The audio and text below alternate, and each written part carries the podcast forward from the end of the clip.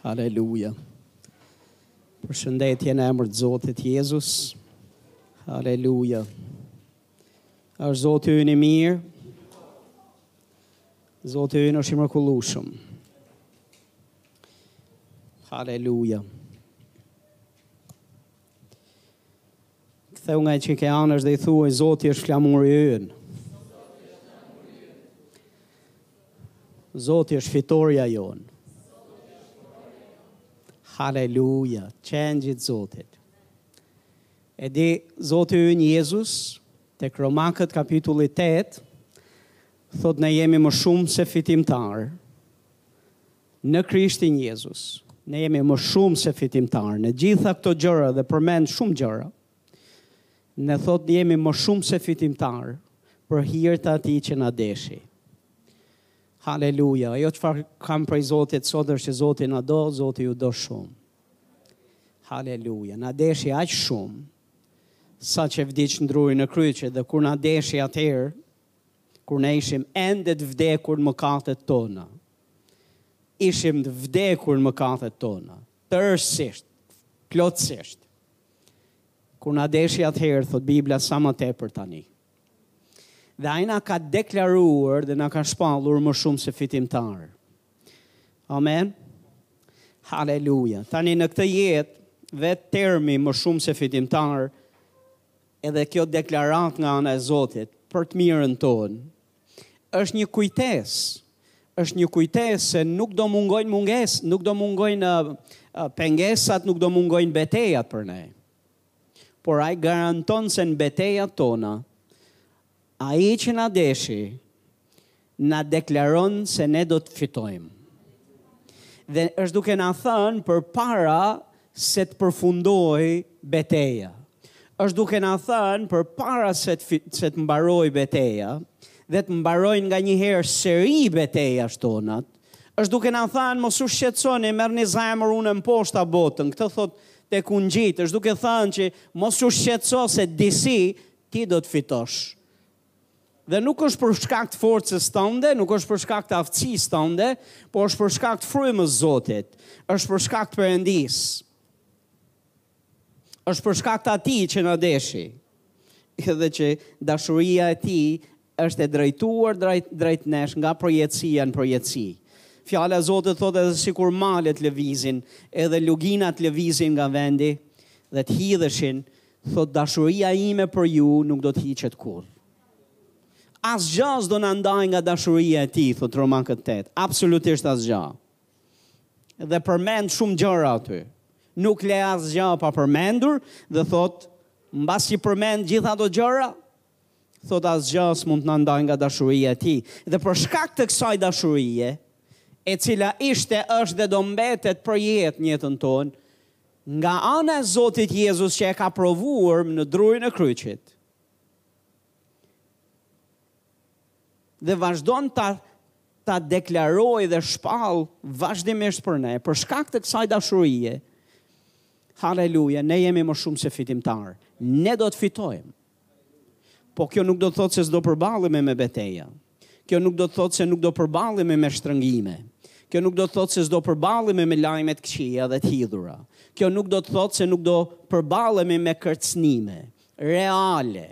Kjo nuk do të thotë që nuk do kemi betejë, sepse Efesianët kapitulli gjashtë Bibla na thotë që beteja jonë nuk është kundër mishit dhe gjakut, po na le të ditur se ka betejë frymore kundër jetës tonë. Dhe është kjo betejë, thotë që ka frymëra të mbrapshta në vendet qiellore, ka principata, ka pushtete të botës së errësirës, të cilët sulmojnë kishën, ngrihen kundër kishës, ngrihen kundër jetës tënde seriozisht për çfarë? Për të vjedhur, për të vrarë dhe për të shkatërruar. Por Jezusi premton se Kisha e Zotit është e stabilizuar në Krishtin, e stabilizuar në shkëmb, nuk do mund të mposhtet nga portat e ferrit. Nuk do të thotë që s'do ketë porta ferri që do ju rrejë mendja dhe do të guxojnë ta ngrejnë ta ngrejnë dorën kundër Kishës Zotit, e kundër njerëzve të Zotit, e kundër jetëve tona, Haleluja! Por në një rrugë do të vinë, në shtatë do të zmbrapsen prej fuqisë Zotit. Dhe portat e ferrit, thotë Jezusi, nuk do mund të ngadhnjejnë mbi kishën e tij. Nuk do mund të triumfojnë mbi ty. Ti je kisha e Zotit. Familja jote, kjo kishë është kisha e Zotit. Dhe portat e ferrit nuk do mund triumfojnë dot mbi të, mbi ne, sepse Jezusi na ka themeluar, na ka stabilizuar, na ka lindur dhe ka vënë dorën e vet mbi ne. Me dashurinë e tij ai na rrethon. Dikush thotë amen. Haleluja. E di dua që të ndaj këtë mesazh sepse disa prej nesh jemi tashmë në mes betejës. Disa prej nesh tash jemi në mes të betejës. Disa nuk janë në mes të betejës. Lavdi Zotit që s'je në mes të betejës, por merr forcë nga kjo fjalë sot, nga ky mesazh, merr orientim dhe drejtim çfarë të bësh. Për kohët tua, po jo veç për kohët tua, po edhe për të qëndruar për ata që sot janë mes Trysnie, në mes presioni. Dikush thot amen.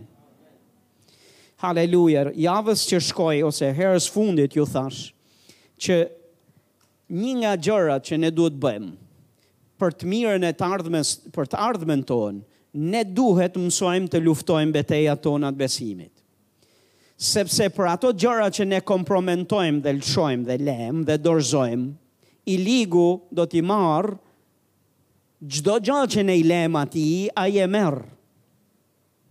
Sikur një fije floku të marrë dhe t'ia lemë ne me kompromis dhe t'ia lemë ne të dorëzuar, ai e merr atë gja, nuk ngopet me aq, sepse ai do që vazhdimisht të marrë, mundësisht të marrë gjithçka që ne kemi. Po kisha e Zotit do të jetë e dhunshme në Zotin. do të jetë e fortë në Zotin. Kisha e Zotit do të jetë radikale dhe e zgjuar. E mos t'i lejë absolutisht vend dhe mos t'i lejë vend e hapsirë të ligut dhe as, absolutisht mos t'i dorzojë atij asgja dhe errësirës absolutisht asgja. Gjëra që ne i dorzojmë nuk do t'i kemi në t'ardhmen, po gjëra që Zoti na e ka dhanë dhe që s'do t'i dorzojmë ne do t'i shijojmë gjatë gjithë kohës. Dhe është shumë e rëndësishme të mësojmë se si të luftojmë bashkë me Zotin, krah për krah Zotit, kur ndihemi dhe kur jemi të shtrënguar dhe kur jemi kur jemi në mes beteje dhe të sulmuar. A jeni duke dëgju? Ka shumë rëndësi njerëz të Zotit. ë uh, që dim se çfarë duhet të bëjmë. Haleluja. Duhet ta luftojmë luftën e mirë të besimit, duhet ta ruajmë besimin. Duhet ta vrapojmë garën deri në fund. Amen. Duhet të kapërcejmë çfarëdo lloj pengese dhe duhet lëvizim nga male çfarë nga nga rruga çdo gja që del përpara. Dikush thot amen. Haleluja. Por shumë e rëndësishme që në beteja të hyjmë me dy me dy zbulesa. Dhe këto dy zbulesa luajnë rol të jashtëzakonshëm për ecurinë dhe çfarë do të ndodhë në betejë. Gjëja e parë që ti duhet të kesh ndërmend është se je i dashur nga Zoti. Duhet të jesh i mirë themeluar në dashurinë e Zotit. Duhet ta dish se Zoti nuk është kundër teje, por është pro teje. Romakët 8, vargu 31 thotë, nëse Perëndia është me ne, kush mund të jetë kundra nesh? Ti duhet ta dish që ai është pro nevojave tua për t'i përmbushur ato. Ai është për të përkrahur ty, nuk është për të dënuar ty, nuk është për të ulur poshtë, nuk është për të për të të ndëshkuar ty, sepse fjala na e thotë po tek Romakët 8, në qoftë se lexon himnin, e fitores që quhet himni i fitores, ti do të gjesh që Perëndia ka drejtuar dashurinë e tij ndaj nesh dhe nuk është kundra nesh, por është pro nesh, është në anën tonë. Dhe dashuria dhe njohja e dashurisë është shumë e rëndësishme në betejë, sepse kur ti je në betejë, nuk është koha të mendosh a të do Zoti apo jo. A është Zoti me ty apo jo? A do të të përkrahë kësaj radhe apo jo? Sepse shumicën e kohës kjo vendos si do të dalim në krahun tjetër. Sepse nëse ti mendon se Perëndia është kundër teje, atëherë ne jemi të mposhtur akoma pa fillu beteja. Sepse ne jemi duke menduar në veten tonë gjënë më të gabuar Jemi duke menduar se Perëndia është kundër nesh, se Perëndia është në këtë betejë kundra jetës tonë. Është i pakënaqur me ne, është kundër nesh, po na dhunon, po na uh, po na dënon, po na ndëshkon për diçka që ne kemi bërë. Dhe në qoftë se ke këtë mendësi, pastor, atëherë ti je i mposhtur akoma pa filluar. Dhe të ligut i intereson që ne të, ne të besojmë pikërisht këtë gënjeshtër. Për këtë arsye shkrimi na e thotë qartë që nuk ka dënim për ata që janë në Krishtin Jezus. Kush do t'i dënojë ata që janë në Krishtin? Krishti vdiq thotë për ta, për më tepër u ringjall, për më tepër ndërmjetëson për ne, që do të thotë Jezusi vdiq që ne të mos dënohemi. Gjaku i Tij u derdh që ne mos dënohemi. Haleluja! Gjaku i Tij u derdh. Jezusi u ringjall prej vdekjes, e mposhti vdekjen, pagoi çmimin, e mposhti errësirën, mposhti pasojat e mëkatit, me ringjalljen e Tij, ka çdo pushtet në qiell dhe në tokë, Ai e ka të drejtën për të dënuar apo jo dhe Ai ka deklaruar që ne jemi të shfajësuar, jemi të falur dhe s'ka dënim për ne, sepse jemi të Tijtë dhe jemi në Të. Dhe për më tepër thotë ndërmjetëson për ne. Për çfarë ndërmjetëson? Ndërmjetëson që Ati të na ndëshkojë. Ndërmjetëson që Ati të na dënojë që Ati të na braktisë në kohë fatkeqësie, që Ati të mbyllë veshët dhe të mos dëgjojë lutjet tona dhe britmën tonë në kohë nevoje. Që ai të mbyllë sytë dhe mos shohë gjërat të cilat ne po kalojmë në jetë. Ai të na dorëzojë në duart e të ligut që i ligu të vjedhë vrasë dhe shkatërrojë fëmijët e vet, kishën e vet, por Ati mos ta shohë, a është ky ndërmjetësimi që Zoti ynë bën, është krejtësisht jashtë natyrës Zotit tonë, Jashtë natyrës fjalës Zotit, Jezusi ndërmjetëson, gjaku i tij thotë flet më mirë se gjaku i Abelit, dhe gjaku i Jezusit flet për hakmarrje jo kundër nesh, hakmarrje kundër të ligut. Gjaku i Jezusit flet për mëshirë, flet për falje, Flet për hir, flet për ndihmë, përkrahje, bekimin, mbrojtjen, sigurimin e çlirimin e Zotit në jetën tonë. Për këtë flet gjaku i Jezusit, për këtë ndërmjetëson Jezusi përpara Atit, sepse ka dashuri për ne. Ia mbyll gojën akuzuesit, Ia mbyll gojën dënuesit dhe nuk ka më akuza dhe dënime për ne. Dhe nuk ka asgjë, thotë, që na ndan nga dashuria e tij. Zbulesa e parë që vendos ecurinë e një beteje është, A e di ti, o njeri i Zotit, se Zoti të do? Që ai ka dashuri për ty? Apo e ke, a, apo e dyshon, apo e vën në dyshim dhe në pikëpyetje dashurinë që ai ka për ty? Thjesht sepse po kalon beteja, thjesht sepse po kalon rrethana të vështira, thjesht sepse gjërat nuk po shkojnë ashtu siç fjala e Zotit thotë, kjo nuk do të thotë se Perëndia nuk të don ty. Kjo nuk do të thotë se Perëndia nuk do të ndërhyjë të të ndihmojë ty. Jo, kjo do të thotë që ti je në një betejë dhe kjo betejë nuk është kundër Perëndisë. Kjo betejë thotë Efesianët është kundër frymërave të mbrapshta, principatave, pushteteve, fuqive të errësirës. Kundër tyre është kjo betejë, jo në, jo kundër Zotit. Zoti është në anën tënde njeri. Njeri i Zotit, Zoti është në anën tënde. Thashë është në anën tënde, është për të mirën tënde, është për të ardhmen tënde. Ai do shëndetin tënd të mirë. Ai do familjen tënde të shëndoshë. Ai do fëmijët e tu dhe ti të jesh i qetë dhe nën mbrojtje e sigurim e kujdes hyjnor prej Zotit. Ky është mendimi dhe vendimi i Zotit për ne. Për këtë Jezusi erdhi të vdesë në drurin e kryqit, e për më tepër u ringjall dhe sot ndërmjetëson për ne. Zbulesa e parë është dashuria e Tij. Zbulesa e dytë që ti ke nevojë të dish është, kur ti hyn në betejë, ti duhet hysh me be, në betejë me këtë mendësi, pastor. Ti duhet hy, hysh në betejë duke e ditur se nuk je vetëm dhe duke e ditur se kjo betejë, në këtë betejë fiton ti. Le të le të themi bashkë, fitoj unë. Jo për hir të forcës time, jo për hir të se sa se sa i shenjtë jam dhe i pagabushëm jam, po është për hir të atij që ndeshi. Është shumë e thjeshtë, është për shkakun e Jezusit. Fitojmë, unë dhe Jezusi fitojmë. Ti dhe Jezusi do të fitosh. Ti dhe Jezusi do të kaloni në anën tjetër. Ato dobësi të cilat janë dobësi tuat, haleluja, nuk janë arsye për të menduar se ti do të biesh, do të dështosh, do humbasësh dhe do të jesh i dërmuar dhe i shkatërruar prej të ligut. Këto duhet të jenë arsye për mburrje për ne. Sepse Pali thotë, unë mburrem dobësitë e mia. O, dikush thotë haleluja. Sepse shumë herë në beteja i ligu luan me dobësitë tona dhe përpiqet na i kujtojë e të na i nxjerrë përpara syve dhe të thotë kësaj radhe Zoti do të lërë, kësaj radhe ti s'do ia dalësh, sepse je i dobët, se ke treguar dobësi këtu, se ke treguar dobësi këtu, se ke treguar dobësi atje. Po për ne do të jetë haleluja, kur unë jam i dobët, Zoti im është i fortë. Po të ishte për të na braktisur në dobësitë tona, Zoti do na kishte braktisur herët. Por çfarë thotë shkrimi? Me anë të frymës shenjtë, ai ndërmjetëson me psherëtima të patregueshme duke na ndihmuar në dobësitë tona. Që do të thotë ai na ndihmon në dobësitë tona. Dhe thotë atij i vjen keq për dobësitë tona një shkrim tjetër.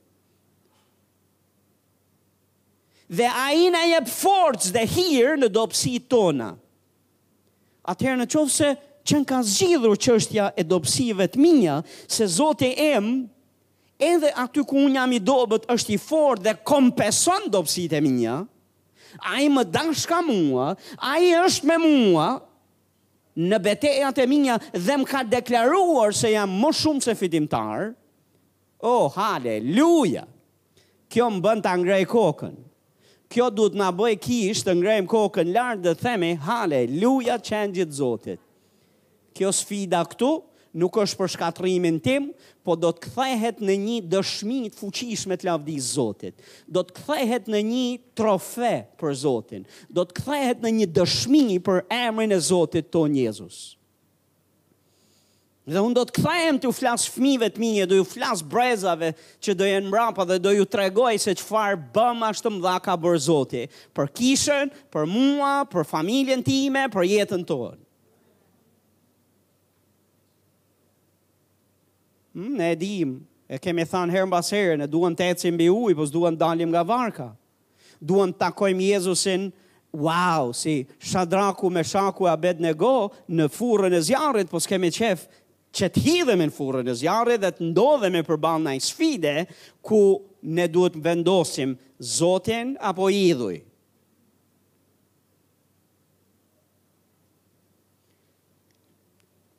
Ne do donim që të shohim mrekulli të tipit Stuhia ndaloi, po nuk na pëlqen që që të ndodhemi përballë një stuhie.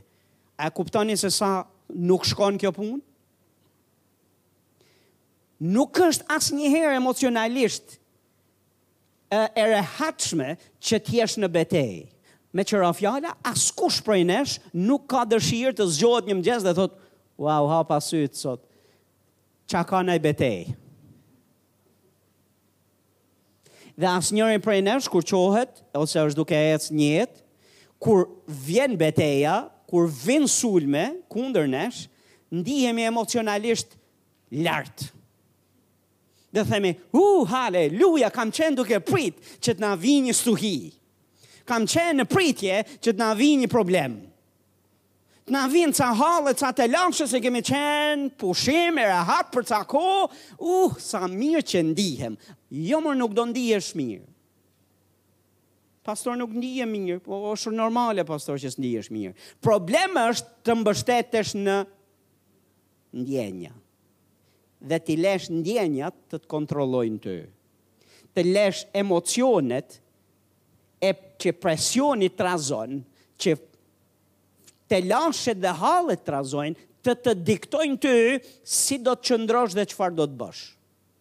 Dhe cili do të jetë qëndrimi yt. Ne duhet të na diktojë qëndrimin tonë, mënyrën si flasim, mënyrën si veprojmë, mënyrën si sillemi në mes stuhive, fjala e Zotit tonë të çmuar. Atë çfarë Zoti thotë dhe asgjë tjetër. Dhe në mes stuhive dije, pastor, kur vin këto stuhi, ta dish që kjo gjë nuk është për rrëzimin dhe dështimin tënd. Është një mundësi që ti që ti të fitosh. Shihe si një mundësi që ti të takosh lavdinë e Zotit, që ti të shohësh madhështinë e Perëndisë duke ndërhyrë në jetën tënde. Shihe nga ky këndvështrim se Perëndia do të luftojë për ty, se Perëndia do të të kalojë në krahun tjetër. Se ti do të shohësh gjëra që s't'i ka pa syri, gjëra që s't'i ka gju veshi, ose po t'i ka pa syri dhe t'i ka gju veshi, t'i ka pa te tjerët, po jo në jetën tënde. Po është koha për t'i parë ca në jetën tënde. është koha për të parë ca armiq që vrapojnë në shtatë rrugë. Është koha për të parë ca armiq që do të jenë duke u dridh, se kanë dhe se kanë guxuar të ngrenë dorën kundër të shenjtëve të Zotit, kundër shërbëtorëve të Zotit, kundër kishës Perëndisë. Oh, haleluja, Zoti ynë është i mirë, dikush thotë. Më lini t'ju flas për nja dy ngjarje në Bibël, sepse dua që ndërkohë që jam duke predikuar, dua edhe që të mësoj disa gjëra. Dakord, kështu që do jetë një kombinim i të dyjave. Tek Eksodi kapitulli 17 shikojmë një histori shumë të veçantë, një ngjarje. Thotë, kjo ngjarje thotë vargu 8, kapitulli 17 thotë atëherë erdhi Amaleku për të luftuar kundër Izraelit në Refidim. Le të themi bashkë, erdhi Amaleku për të luftuar kundër Izraelit. Now kjo nuk ishte zgjedhja e Izraelit, kjo nuk ishte dëshira dhe ëndrra e Izraelit, me as Izraeli nuk tha, a ka naj Amalek që të vijë kundër meje, po këta erdhën gjithsesi. Dhe thotë, erdhën kundër për të luftuar kundër. Thotë, dhe Moisiu i tha Jozueut, le të themi bashkë, Moisiu i tha Jozueut, mbajeni mend këtë gjë se do kthehemi. Moisiu thotë i tha Jozueut, zgjidh pra, thotë zgjidh për ne disa burra dhe dil për të luftuar kundër Amalekut, nesër do të jem në unë thotë, nesër do të jem në majë të kodrës me shkopin e Perëndisë në dorë. Jozueu, thotë, bëri ashtu siç i kishte thënë Moisiu dhe luftoi, thotë, kundër Amalekut. Ndërsa Moisiu, Araoni dhe Huri u ngjitën majë të kodrës. Dhe ndodhi, thotë, që kur Moisiu ngrinte dorën e tij, Izraeli fitonte, përkundrazi kur e ulte dorën, fitonte Amaleku. Por duart e Moisiut thotë ishin rënduar. Kështu thotë që ata morën një gur dhe ia vunë poshtë dhe ai u ul mbi të ndërsa Aroni dhe Huri i mbanin duart, njëri nga njëri krah, tjetri nga krahu tjetër, kështu duart e tij mbetën të palëvizura deri në perëndimin e diellit. Pastaj thotë Jozueu, mundi Amalekun, njerëzit e tij, duke i prerë thotë me shpatë. Pastaj Zoti i tha Moisiut, le të themi bashkë, pastaj Zoti i tha Moisiut. Shkruaje këtë ngjarje në një libër që të mos harrohet kurrë. Dhe njoftoje thotë Jozueun, që unë do ta fshij fare kujtimin e Amalekut nën qiell. e këtij armiku që ishte kishte guxuar të ngrihet kundër Izraelit. Ky ishte, ky ishte vendimi i Zotit. Dhe një herë Zoti vendos Zoti. Është gjë e madhe. Dhe vargu Pesëmbëdhjetë thotë Moisiu ndërtoi pastaj një altar të cilit i vuri emrin Zoti është flamuri im. Dhe tha, Dora u ngrit kundër fronit të Zotit dhe Zoti do t'i bëjë luftë Amalekut brez pas brezi. Dikush thotë amen. Këtu ka shumë të vërteta dhe gjëra të mëdha për të mësuar. Po ia nis pak nga fundi. Moisiu njihte Zotin si flamuri i tij. E njihte Zotin si fitorja e tij, si ai që i jep fitoren në betejë. Prandaj ngriti altarin dhe e çu dhe tha këtë shpallje dhe i dha lavdi Zotit, duke thanë, Zoti është flamuri im. A e njeh Zotin si flamurin tënd? A e njeh Zotin si fitoren tënde? E di, nëpër beteja, të, të qenit flamur, domethënë ngritja e flamurit, do të thoshte që beteja ka përfunduar në favor të atij që ngre flamurin. E thënë thjesht. Dhe Zoti thotë ngre flamurin. Një shkrim tek tek Tek Isaia. Isaia pesëdhjetë e nëntë thotë, Kur kundërshtari do të vijë si një lum i furishëm, fryma e Zotit do të rri duar kryq. Dhe do të shohë çfarë do të bëjë ky armik i furishëm. Jo, thotë, do të bëjë një gjë. Fryma e Zotit do të lartësojë kundër tij një flamur. Më fryma e Zotit do thotë, hej, hej, hej, hej, hej, jam unë këtu. Ky këtu më përket mua. Ky këtu është i Zotit.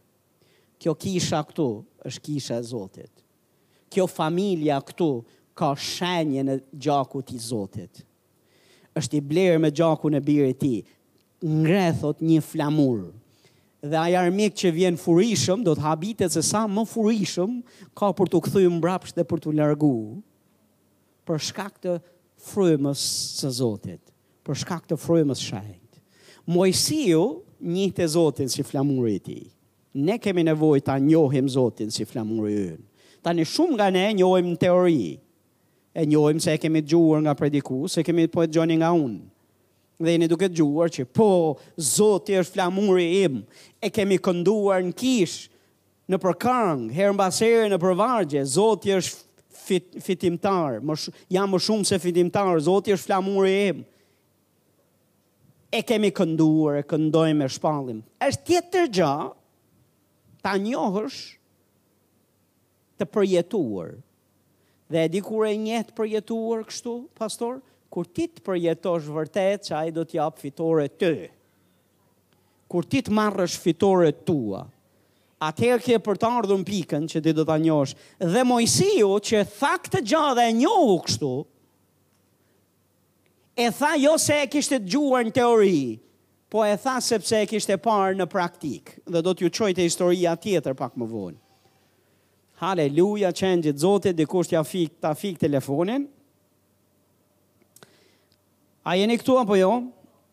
Tani më lini pak t'ju mësoj ca gjëra, cilat do të jenë me vlerë. Thotë dora Moisiu thotë dora u ngrit kundër fronit të Zotit dhe Zoti do t'i bëjë luftë Amalekut brez pas brezi. Tani pyetje, kundër kujt u ngrit Amaleku? Askund nuk e shohim se thuhet dora e Amalekut u ngrit kundër fronit të Zotit. Nga e nxori Moisiu këtë pjesë? Se Moisiu thotë u ngrit kundër fronit të Zotit.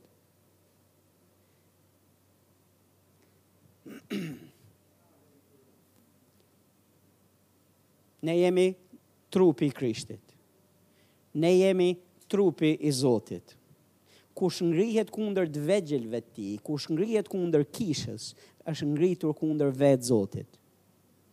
Kush u ngrit kundër Izraelit, se në fakt Amaleku praktikisht u ngrit kundër Izraelit, jo kundër Zotit. Por Zoti e mori personale. Dhe Moisiu e dinte që kush ngrihet kundër tij e kush ngrihet kundër Izraelit, është ngritur kundër vetë Zotit. A e di që beteja që është kundër teje nuk është betejë vetëm për ty, në fakt i ligu është po përpichet tërthorazi t'i bëjë luftë Zotit.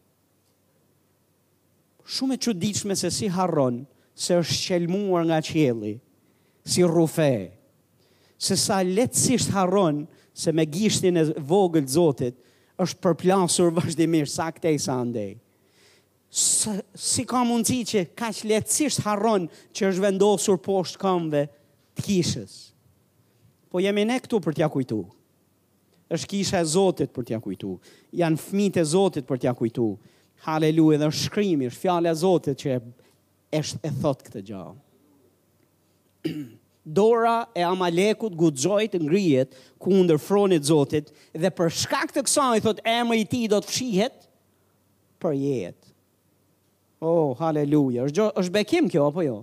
Të dish ti që kush vjen kundër teje, Zoti e merr personale. Kjo është gjë e madhe. Është krejt ndryshe nga të mendosh se kur betejën që po kalon Zoti është autori. Është komplet e kundërta apo jo? Ti du ta shohësh që ej, Zot, kjo, do më kjo beteja që po kaloj unë, Kur të shohësh nga Zoti, ti du të shohësh dhe ta shohësh atë aty, ta be, të besosh se është afër teje në anën tande dhe që thot mos u mërzit. Kjo është beteja ime. Beteja i takon Zotit. Beteja i takon Zotit. Zoti është në anën tande. E mbani mend se ça i tha Palit Jezusi kur iu shfaq në rrugën për Damask, i tha nuk është e Mirë që t'i gjuash me shkelm gjembave. Dhe i tha pse më persekuton, pse më përndjek.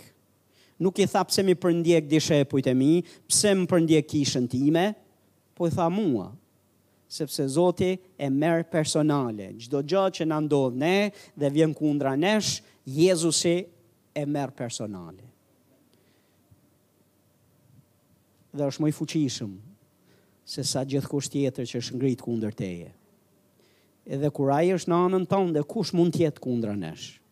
Kur ai është në anën tonë, kush mund të jetë kundra nesh? Jezusi, Zoti ynë, është flamuri ynë, është fitorja jonë. Për hir të atij që na deshi, ne jemi më shumë se fitimtar. Haleluja! Vllai ynë i madh është në krahun tonë, njerëz të Zotit. Jezusi është vllai ynë, është vllai ynë i madh. Është inkurajuesi ynë, është uh, uh, haleluja, është mbrojtësi ynë, është ai që qëndron për ne. Ne jemi pjesë e trupit të tij. Çdo gja që na ndodh ne dhe vjen kundra nesh, nuk ka ardh veç kundra nesh dhe nuk e ka autorësinë nga vllai ynë i madh, se ai është në anën tonë. Është kundra tij. Ai e merr personale dhe ai do që ti të rrish i qetë dhe i sigurt në Zotin se kjo betejë do të përfundojë me ty fitimtar. Veç se do ketë një ndryshim. Ai do të luftojë luftën, ai do mposht armikun, ti do të marrësh trofeun. Në do të kalonin, do të kalojmë në krahun tjetër dhe Zoti thotë, dhe tani, dhe tani fiton, fiton, fiton, fiton, fitojmë ne. Dhe Jezusi thotë ngreja dorën atyre, ata ta ngrejnë dorën. Betejën e ka bërë ai, dhe e bën ai, fitoren e gëzojmë ne. Prandaj jemi më shumë se fitimtarë. Oh, haleluja, është Zoti i mirë. Tani, Më lini t'ju them një gjë që më bën shumë përshtypje, po e studioja dhe lexoja me kujdes, nuk shikoj zotin në skenë absolutisht për drejtim kur vjen puna te kjo histori. Këtu shikojmë që Amaleku erdhi thotë për të luftuar kundër Izraelit, vargu nëntë menjëherë thotë dhe Moisiu i tha Jozueut. Mbani mend që ju thashë Moisiu i tha Jozueut, ta themi bashkë? Ka një arsye. Moisiu thotë i tha Jozueut, Nuk shohim Zotin fare në skenë, t'i jap instruktime Moisiut ç'a duhet bëjë. Dhe nuk shoh në skenë fare Moisiun që të shkojë dhe të flasë me Zotin dhe t'i thotë o Zot, tani jemi përballë kësaj gjendje, ç'a të bëjmë? Po duket sikur ai E ka të vendosur vetë, e di mirë se ça duhet të bëjë. Dhe çfarë bën? Moisiu bën atë që di. Thotë, unë do ngjitem në mal, Jozue, ti do dalësh në betejë me ca burra të luftosh atje fizikisht, unë do ngjitem në mal. Dhe kështu ndodhi. Dhe nuk e shohim Zotin në skenë fare, derisa derisa A Amaleku po mposhtej dhe u mposht në betejë.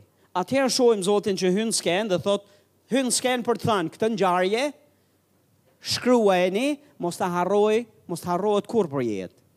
Po që kjo ngjarje të mbetet pa fund. Dhe lajmëroje edhe Jozueun, thuaji Jozueut që këtë Amalekun që luftove sot, s'ke për ta pa më kurrë.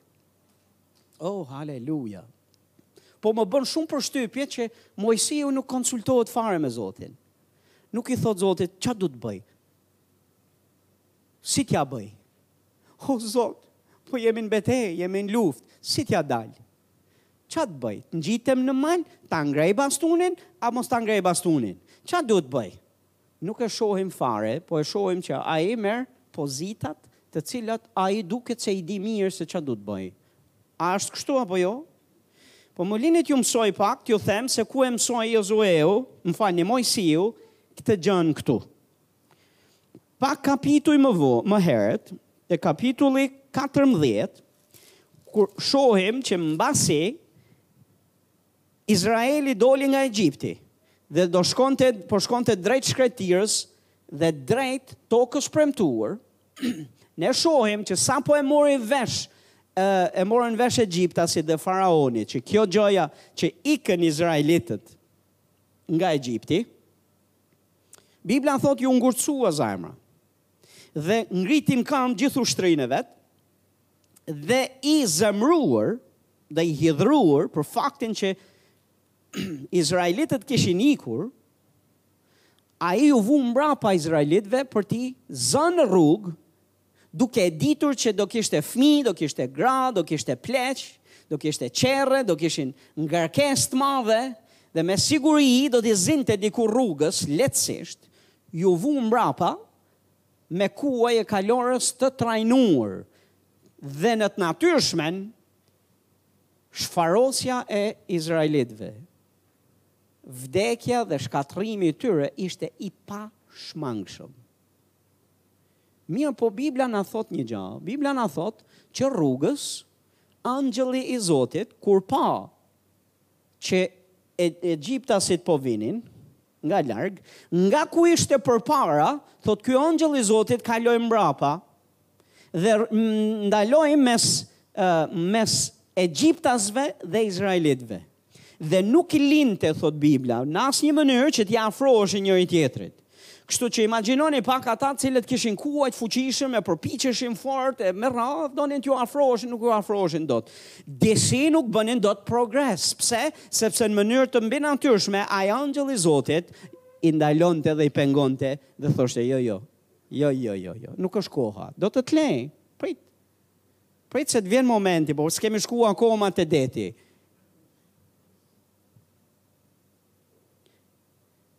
Dhe nuk ishte aspak e lehtë për izraelitët, sepse izraelitët gjithashtu panë dhe dëgjuan zhurmën e qerreve dhe zhurmën e egjiptasve. Dhe Bibla thotë, po jau perifrazoj unë me fjalët e mia, po ju e gjeni te kapitulli 14, shohim që ata thanë, a nuk kishte varre në Egjipt?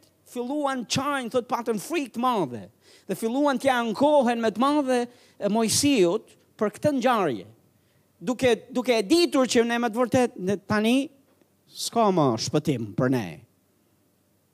Ata e dinin shumë mirë që zemrimi i faraonit kishte arritur kulmin. Tashma edhe i paralinduri i tij kishte vdekur, kishin ndodhur shumë gjëra, Egjipti ishte shkatërruar, s'kishte ça të humte më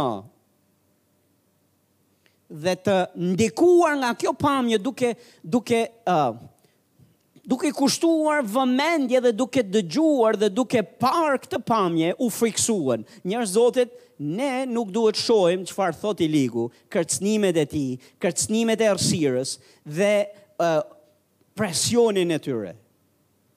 Ne duhet shohim çfarë Kë kemi në krah dhe kush është në anën tonë në gjithë këtë situatë. Dhe po ju them që Perëndia ynë është në anën tonë dhe Angjëlli i fuqishëm i Zotit dhe Angjëjt e Zotit janë në mbrojtjen tonë. Po aq sa që ishin në mbrojtjen e Izraelitëve në atë ditë. Dhe do t'ju flas nga fjala e Zotit se ka shumë rëndësi ta dimë. A është duke u beku dikush apo veç po bekohem unë këtu? Haleluja. Dhe çfarë ndodhi me kalimin e kohës, mbasi iu ankuan Mojsiut, Mojsiu u thotë ca fjalë të cilat unë i kam për t'jua thënë dhe ju. Mojsiu i tha popullit, dhe me qëra fjala po i fliste me besim. Këto janë fjalë besimi që është duke nxjerrë nga goja, se nuk ishin fjalë emocionale ndjenjash. Thotë, Mojsiu i tha popullit, Mos keni frikë, qëndroni dhe çlirimi do të vijë nga Zoti, i cili do të bëjë sot për ju, do ta bëjë sot për ju, sepse egjiptasit që të cilët i shihni sot, nuk do t'i shihni më kurrë. Zoti do të luftojë për ju dhe ju do të rrini të qetë. Kjo ishte fjala që Mojsiu thotë. Tani shkojmë te vargu 15 sepse këtu duhet të ndaloj pak. Thotë, Pastaj Zoti i tha Moisiut, Pse më bërtet mua? Le të themi bashkë, Pse më bërtet mua? A e keni kështu në Biblën tuaj ju, apo jo? Zoti i tha, Pse më bërtet mua? Që do të thotë, Moisiu, mbasi i tha këto fjalë qetsuse për popullin, me besim, çfarë bëri, bekimi, është kjo gjëja këtu, i tha Zot, Unë ja u thash këto fjalë. Po ça do bëjmë tani? Ndihmë o Zot. Ça të bëjmë tani o Zot? Cila është rruga o Zot? Si do ja bëj tani? Si do ja dal? Si do drejtoj këtë popull? Si do ja dalim? Ça do bëjmë me ata? Ça do bëjmë me këta? Dhe është duke i bërtit Zotit. Është duke komuniku me Zotin, çfarë të bëjmë, gjë të cilën nuk e shohim te beteja e dytë, apo jo? Te beteja e dytë, sa erdhi Amaleku, hajde Jozue, Jozue, ti merru me shpata, unë do ngjitem në mal dhe do bëj një gjë të cilën e kam pa të bëhet ma herët. Zoti i thotë, i thotë Moisiut, Shtrije dorën mbi det dhe ndaje atë, në mënyrë që bijtë e Izraelit të mund të kalojnë në mes të detit, thotë. Sa për mua, thotë, do ta ngurtësoj zemrën e egjiptasve dhe këta do t'i ndjekin ata. Kështu, thotë, unë do të fitoj lavdi nga faraoni dhe tërë ushtritë e tij, ushtria e tij, nga qerret dhe kalorësit e tij. Dhe egjiptasit do të dinë që unë jam Zoti, kur unë do të fitoj lavdi nga faraoni, nga qerret e tij dhe nga kalorësit e tij. Thotë, Atëherë ëngjëlli i Perëndisë që ecte para kampit të Izraelit u zhvendos mbrapa, dhe kolona e reve lëvizi nga përpara dhe shkoi e u vu prapa tyre. Dhe vazhdon historia. Vargu 21 thotë, Moisiu shtriu dorën e tij mbi detin, Zoti bëri që të tërhiqen, tërhiqet deri më falni, që të tërhiqet deti nga një erë e fortë nga lindja që fryu tërë atë natë, Dhe shndërroi detin në tokë të thatë dhe ujërat u ndanë. Dhe ne shohim pastaj që izraelitët kaluan krahun tjetër në tokë të thatë. Dhe Bibla thotë që egjiptasit, duke parë që ishte deti i thatë, toka e hapur, me qerre, fjala është kaq madhështore, thotë, kur hynë Izraelitët ujërat ishin ndarë si mure në të dy anët. është e jashtëzakonshme apo jo, po edhe e frikshme në të njëjtën kohë. Që ti je duke ecë dhe ti shikon ujin që duket sikur ka një mur që vizualisht nuk shihet. Dhe ti e sheh atje që gjithë mund të mund të mbyllet kurdo. Gjithsesi kaluan. Dolën krahun tjetër. Egjiptasit menduan se do kalonin dhe ata, hynë. Dhe Bibla thotë Zoti ngriti sytë dhe pa. Ëngjëlli i Zotit tha tani po. Tani që më ndoqët deri këtu, tani ka ardh momenti të merrem me ju. Dhe thotë Zoti që hodhi vështrimin dhe i pa që ata kishin hyrë në ujë, thotë ju dha dërrmën. Domethënë, ndërhyri, i tha Moisiut, Ngreje bastunin tand dhe ujërat u mbyllën. Dhe Zoti thotë, Bëri që të mbyteshin të gjithë ata egjiptas të cilët i ndoqën deri aty nuk u panë ma kurrë. Nuk i ndoqën dot ma. A jeni duke më ndjek? Tani në këtë rast ne shohim Moisiun që i bërtet Zotit. Është duke i kërku ndihmë. Është duke kërku instruktim. Është duke i tregu, kërku se ça të bëjë në këtë rast. Herën e dytë, nuk shohim se e kërkon ma. Herën e parë, Zoti i kujton se çfarë i ka dhanë. I ka dhanë bastunin në dorë dhe i kërkon ta përdorë. Zoti të ka dhanë, i ka dhanë kishës bastunin e vet. Zoti na ka dhënë ne bastunin e vet dhe ne kemi nevojë ta njohim dhe përdorim atë bastun në betejat tona. Moisiu s'pat nevojë të flasë më me Zotin ça të bëjë, sepse e dinte që ça duhet të bëjë është të ngre, shkojë në majë të malit, të ngrejë bastunin. Bastuni është simbol i autoritetit që Zoti na ka dhënë si kishë. Zoti pret që ne ta ngrejmë bastunin dhe pastaj ai lufton beteja për ne. Zoti pret që ne të përdorim autoritetin që ai na ka dhënë dhe pastaj engjëlli i Zotit do t'ju japë dërm, dërmën uh, armiqve tanë, atëherë fryma e Zotit do të aktivizohet dhe fuqia e Zotit do të aktivizohet në të mirën tonë, atëherë krahu i Zotit do të luftojë për ne. Por, por ne është përgjegjësia jonë kishë që të mos i bërtasim Zotit ça të bëjmë Zot tani, po në vend që ta bëjmë këtë, duhet të përdorim bastunin. Duhet të përdorim autoritetin. Bastuni që Moisiu kishte në dorë ishte shkopi i bariut. Bastuni i bariut. Dhe ai bastun, njerëz të Zotit, kishte një Një një kthesë si në formë krrabe në në majë. E dini pse ishte ajo? Ishte që nëse delet do binin në një gropë, a nëse delet uh, delet do fusnin kokën nëpër shkurre dhe ferra meqë ra fjala, delet e kanë karakteristikë të vetën, që i fusin hundët duke kërku bar nëpër vendet që janë të rrezikshme, dhe kur i fusin dhe u mbetet pak në ferra atje nuk lëvizin që aty, nuk dalin që aty. Mund ta kenë shumë të lehtë pak me u dhënë forcë, me dalë që aty, po është tipike që ngatërrohen me leshin e vet. E kisha për delet.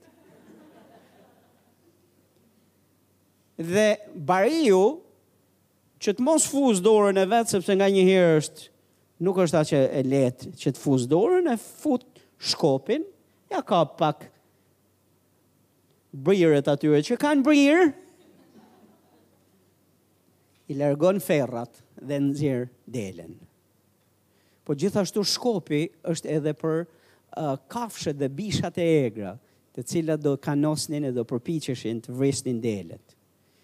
Domethënë, edhe në të natyrshmen është e qëllimt shkopi në dorën e Mojsiut.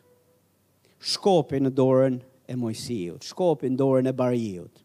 Shkopi në dorën tonë është simbol i autoritetit që Zoti na ka dhënë.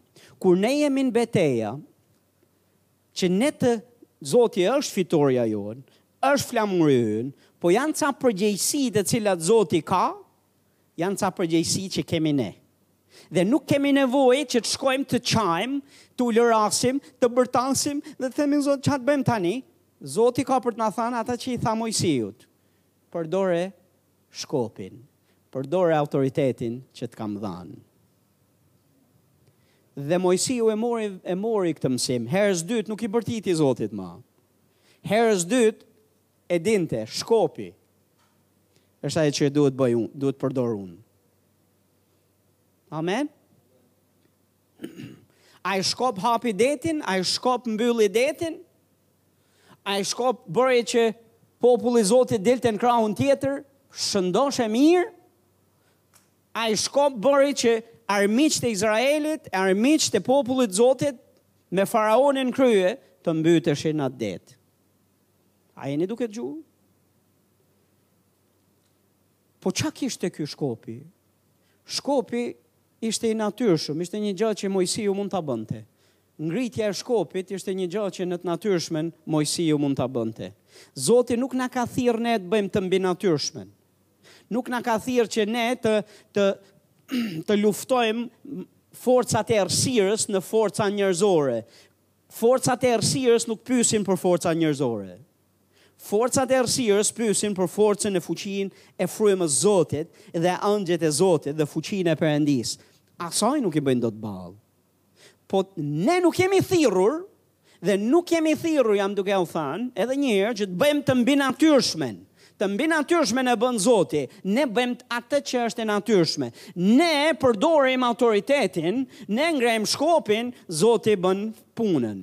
Engjëlli i Zotit bëri punën, Perëndia thot, ju dha dërrmën egjiptasve, Do fshinte Amalekun nga faqja e dheut, do të japë fitoren dhe ty dhe mua. Ai është fitorja jonë, ai është flamuri ynë, ai lufton në botën frymore dhe fizike dhe të vjen ty në ndihmë e në mbrojtje dhe të çliron ty dhe mua. Të mbinatyrshmen e bën ai, shërimin e bën ai, duart i vem ne.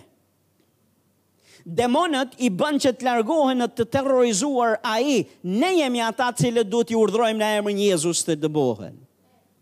Ne jemi ata të cilët i bëjmë rezistencë djallit dhe djalli pastaj do largohet në terror prej nesh sepse Perëndia e bën që të largohet në terror prej nesh.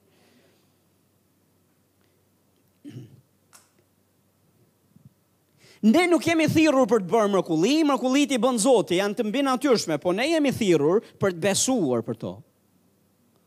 Dhe këto janë gjëra që ne mund t'i bëjmë dhe duhet t'i bëjmë. Është përgjegjësia jonë të përdorim autoritetin që Zoti na ka dhënë. Luka 10 vargu 19 thotë, Jezusi ja ju dhash ju pushtet të shkelni mbi akrepa, gjarprinj e mbi çdo pushtet të armikut dhe asgjë nuk do mund t'ju dëmtojë në asnjë mënyrë. A e dini ça domethënë kjo? Kjo domethënë o njerëz të Zotit, që ne s'duhet kemi frikë nga asgjë e keqe. Sepse asgjë nuk na dëmton dot. Oh, haleluja, akrepa, po sigurisht, janë vdekjeprurës, sigurisht, po, ka gjarpërinj, po, janë helmues, janë të rrezikshëm, janë dinakë, janë le të jenë si të jenë, nuk mund të na dëmtojnë dot. Sepse ne kemi një mur mbrojtës. Ne kemi një mbrojtje të mbinatyrshme, na është dhënë ne pushtet mbi to dhe Bibla thotë na është dhënë pushtet ne mbi to të shkelim mbi to, që do të thotë ne na është dhënë pushtet mbi ta. Autoriteti ynë është më i madh dhe i fuqishëm se i tyre. Dhe këtë pushtet Zoti ia ka transferuar kishës, na e ka dhënë ne. Tani kush bën që të nënshtrohet errësira poshtë këmbëve tona me fuqi është Zoti. Ne përdorim autoritetin që na ka dhënë. Dhe këtë duhet ta bëjmë. Ça të bëj? Mos i bërtit Zotit, Mos i kërko Zotit për ça duhet të bëj Zot tani? Ça duhet të bëj Zot tani? Ça duhet të bëj Zot, Zot tani? Bëj atë që uh, Marku 11 thotë, kushdo që beson, kushdo që do t'i thotë këtij mali, shkulu me rrënjë hidhu në det, dhe beson në zemrën e vet se ajo ça po thotë do t'i bëhet, atëherë do t'i bëhet çdo gjë që do të thotë. Që do të thotë Zoti, ne nuk kemi pse të themi Zot ça të bëj me malin, ça të bëj me malin. Sepse Zoti tashmë na e ka thanë, Malit foli. Çfarë të bëj me djallin? Çfarë të bëj? Dëboje. Çfarë të bëj me smundje? Çfarë të bëj me smundje? Urdhëroje që të largohet. Mallkoje.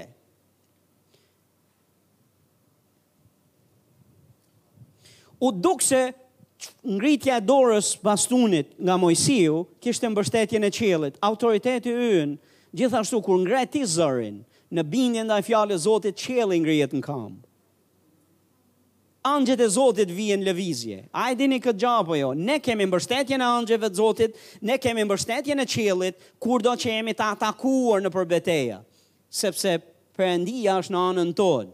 Dhe kur ne e përdorim atë autoritet, angjëjt vihen në lëvizje, Perëndia vihet në lëvizje dhe bën të mbinatyrshmen. Tani ka ca gjëra të cilat nuk ndodhin në çast.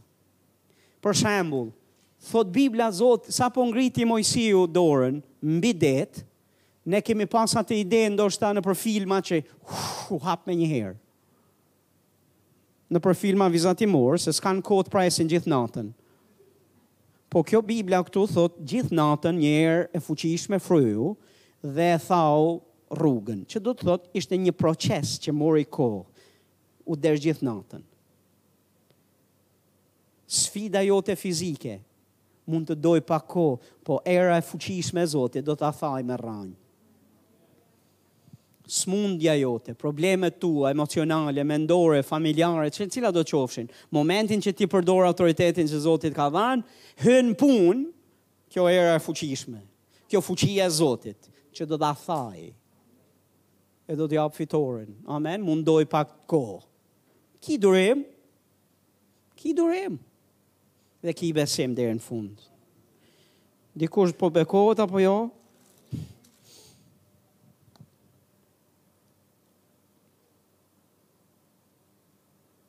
Mos i bërtit Zotit.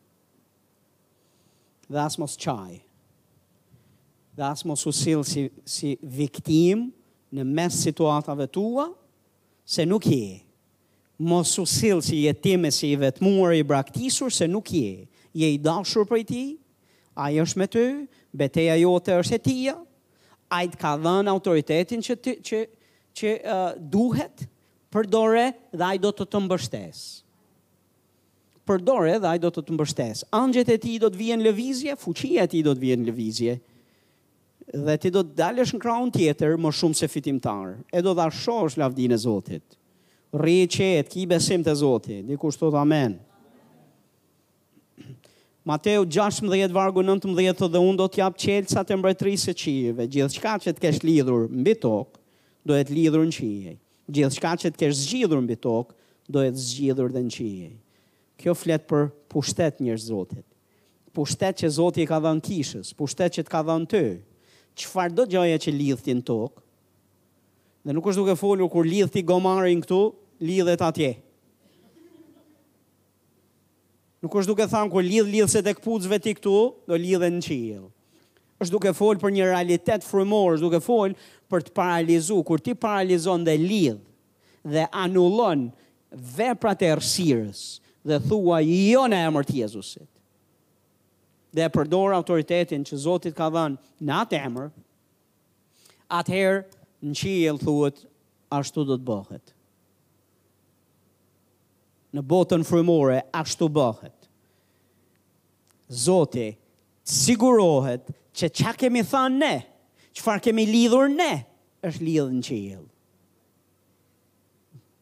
Now, tani, uh, frymrat e mbrapshta në vendet qiellore nuk shihen me sy, po Zoti i sheh. Engjëjt e Zotit i shohin. Për të janë reale dhe për sytë e tij. Për sytë tanë që nuk që shohim veç këtë botën fizike, ne nuk i shohim, ne thjesht e dimë që janë atje. Po kur ata guxojnë të vijnë kundra nesh, Perëndia do të ngrejë dorën e vet. Dikush të thotë amen. Dhe çfarëdo gjaje që zgjidhim ne në tokë, zgjidhet në qiell. Që do të thotë kemi mbështetjen e qiellit. Po vini re pak tek Mateu tetëmbëdhjetë, të njëjtën gja na e ripërsërit dhe tek vargu vargu 19 dhe 20 thotë, por ju them gjithashtu se në qoftë se dy prej jush, bien në ujdi mbi tokë, të kërkojnë çfarëdo gjaje. Kjo do t'ju jepet atyre nga ati im që është në qiej. Dhe vargu njëzet thotë sepse kudo që dy a tre janë bashkuar në emrin tim, unë jam në mesin e tyre. Dikush të thotë amen. Tani ne shumë herë këto vargje, po do të lexoj dhe vargun tetëmbëdhjetë, Në të vërtetë ju them, gjërat që do të keni lidhur mbi tokë do jenë lidhur në qiell, gjithë gjërat që keni zgjidhur mbi tokë do jenë zgjidhur edhe në qiell. Të tria këto vargje shumë herë ne i kemi mësuar edhe veç e veç. dhe kemi bërë predikime veç e veç dhe nuk është gabim. Dakord? Kur dy tre veta mblidhen në emrin tim, thotë unë jam në mesin e tyre. Dhe kemi folur për këtë gjë, për praninë e Zotit dhe lavdi Zotit për këtë pjesë. Po a e dini që të treja këto janë të lidhura bashkë, janë duke fol për një gjë, për një realitet. Çfarë realiteti? Realiteti është këtu që kur ne përdorim autoritetin që Zoti na ka dhënë, Vetëm apo ku dy, dy a tre jemi mbledhë bashkë dhe e përdorim atë autoritet dhe jemi duke lidhë edhe duke zgjidhë, ne kemi praninë e Jezusit, se jemi bashkuar bashkë me Të. Ai është në anën tonë. Dhe Ai thotë po. Po. Është i njëjti Jezus që thotë shkoni në mbarë botën dhe këto do të jenë shenja që do ju përcjellin, Dhe menjëherë mbas kësaj thotë dolën predikuan fjalën dhe Zoti bashkëvepronte me ta me shenjat që e vërtetonin fjalën e predikuar. Zoti ynë bashkëvepron me ne. Njerëz të Zotit, a do t'i flasim maleve, a do e përdorim autoritetin që Zoti na ka dhanë? Në disa raste do na duhet dhe të luftojmë edhe të marrim shpatën, që do të thotë disa situata kanë nevojë për një ndërhyrje edhe frymore në lutje, po kanë nevojë edhe për pak punë fizike. Punë fizike. Punë fizike. Gjëra të natyrshme, të cilat duhen bërë.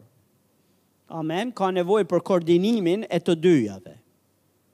Por një gja është e sigurt, që ne duhet të përdorim autoritetin që Zoti na ka dhanë. Për hir të kohës e shoh që ka ardh koha, e nuk dua ta zgjas ma. Kur ne përdorim autoritetin që Zoti na ka dhanë, engjëjt e Zotit vihen në punë. Psalmi thotë, ata i binden zërit të Zotit. dëgjojnë zërin e Zotit dhe i binden. Kur ne japim za fjalës Zotit, kur ne japim za realit, vullnetit Zotit, dhe themi atë që shkrimi thotë, engjëjt e Zotit vihen në punë dhe bëjnë edhe sigurohen që ajo fjalë do të përmbushet. Engjëj, ka plot engjëj të Zotit për besimtarët të cilët janë në pritje dhe nuk janë duke ba asgja, aktivizoji, vëri në punë, Vërim punë që janë shërbyes që Zoti e ka vendos në anën tonë, për të mirën tonë, po si t'i vëmë në punë? Shpall fjalën e Zotit, shpall atë që Zoti thotë. Përdor autoritetin që Zoti të ka dhënë dhe ata ëngjëj do të vijnë në punë. Amen. Haleluja. Le të ngrihemi në këmbë. Oh, haleluja, është Zoti flamuri yt apo jo? Thash, a është Zoti flamuri yt apo jo? A do t'i bërtasësh Zotit apo do të bësh atë çfarë Bibla thotë se duhet të bësh? Atë çfarë Zoti thotë se duhet të bësh? Haleluja. Ti përdor autoritetin. Dhe Zoti e bën të mbinatyrshmen. Ti bëj të natyrshmen, ai bën të mbinatyrshmen. Ti fliti malit, këtë mund ta bësh, Zoti e shkul malin, e hedh në det. Ti flitu situatave të vështira të jetës tënde, të cilat janë të pazakonta me background demonik, dhe pastaj ato do të ndryshojnë. Zoti do t'i ndryshojë. Mund të mos ndryshojnë mbrena minutit, ndoshta mbrena natës, ndoshta pak më gjatë, por ka për t'u tharë. Ka për t'u tharë, thash. Sepse Zoti do të veprojë për të mirën tënde. Jemi njerëz të besimit, duhet të jemi të qetë, duhet të jemi të sigurt në dashurinë e tij, në mbështetjen e tij, në praninë e tij, në fitoren që ai na jep. Haleluja, sepse është i mirë, mirësia e tij zgjat për jetë.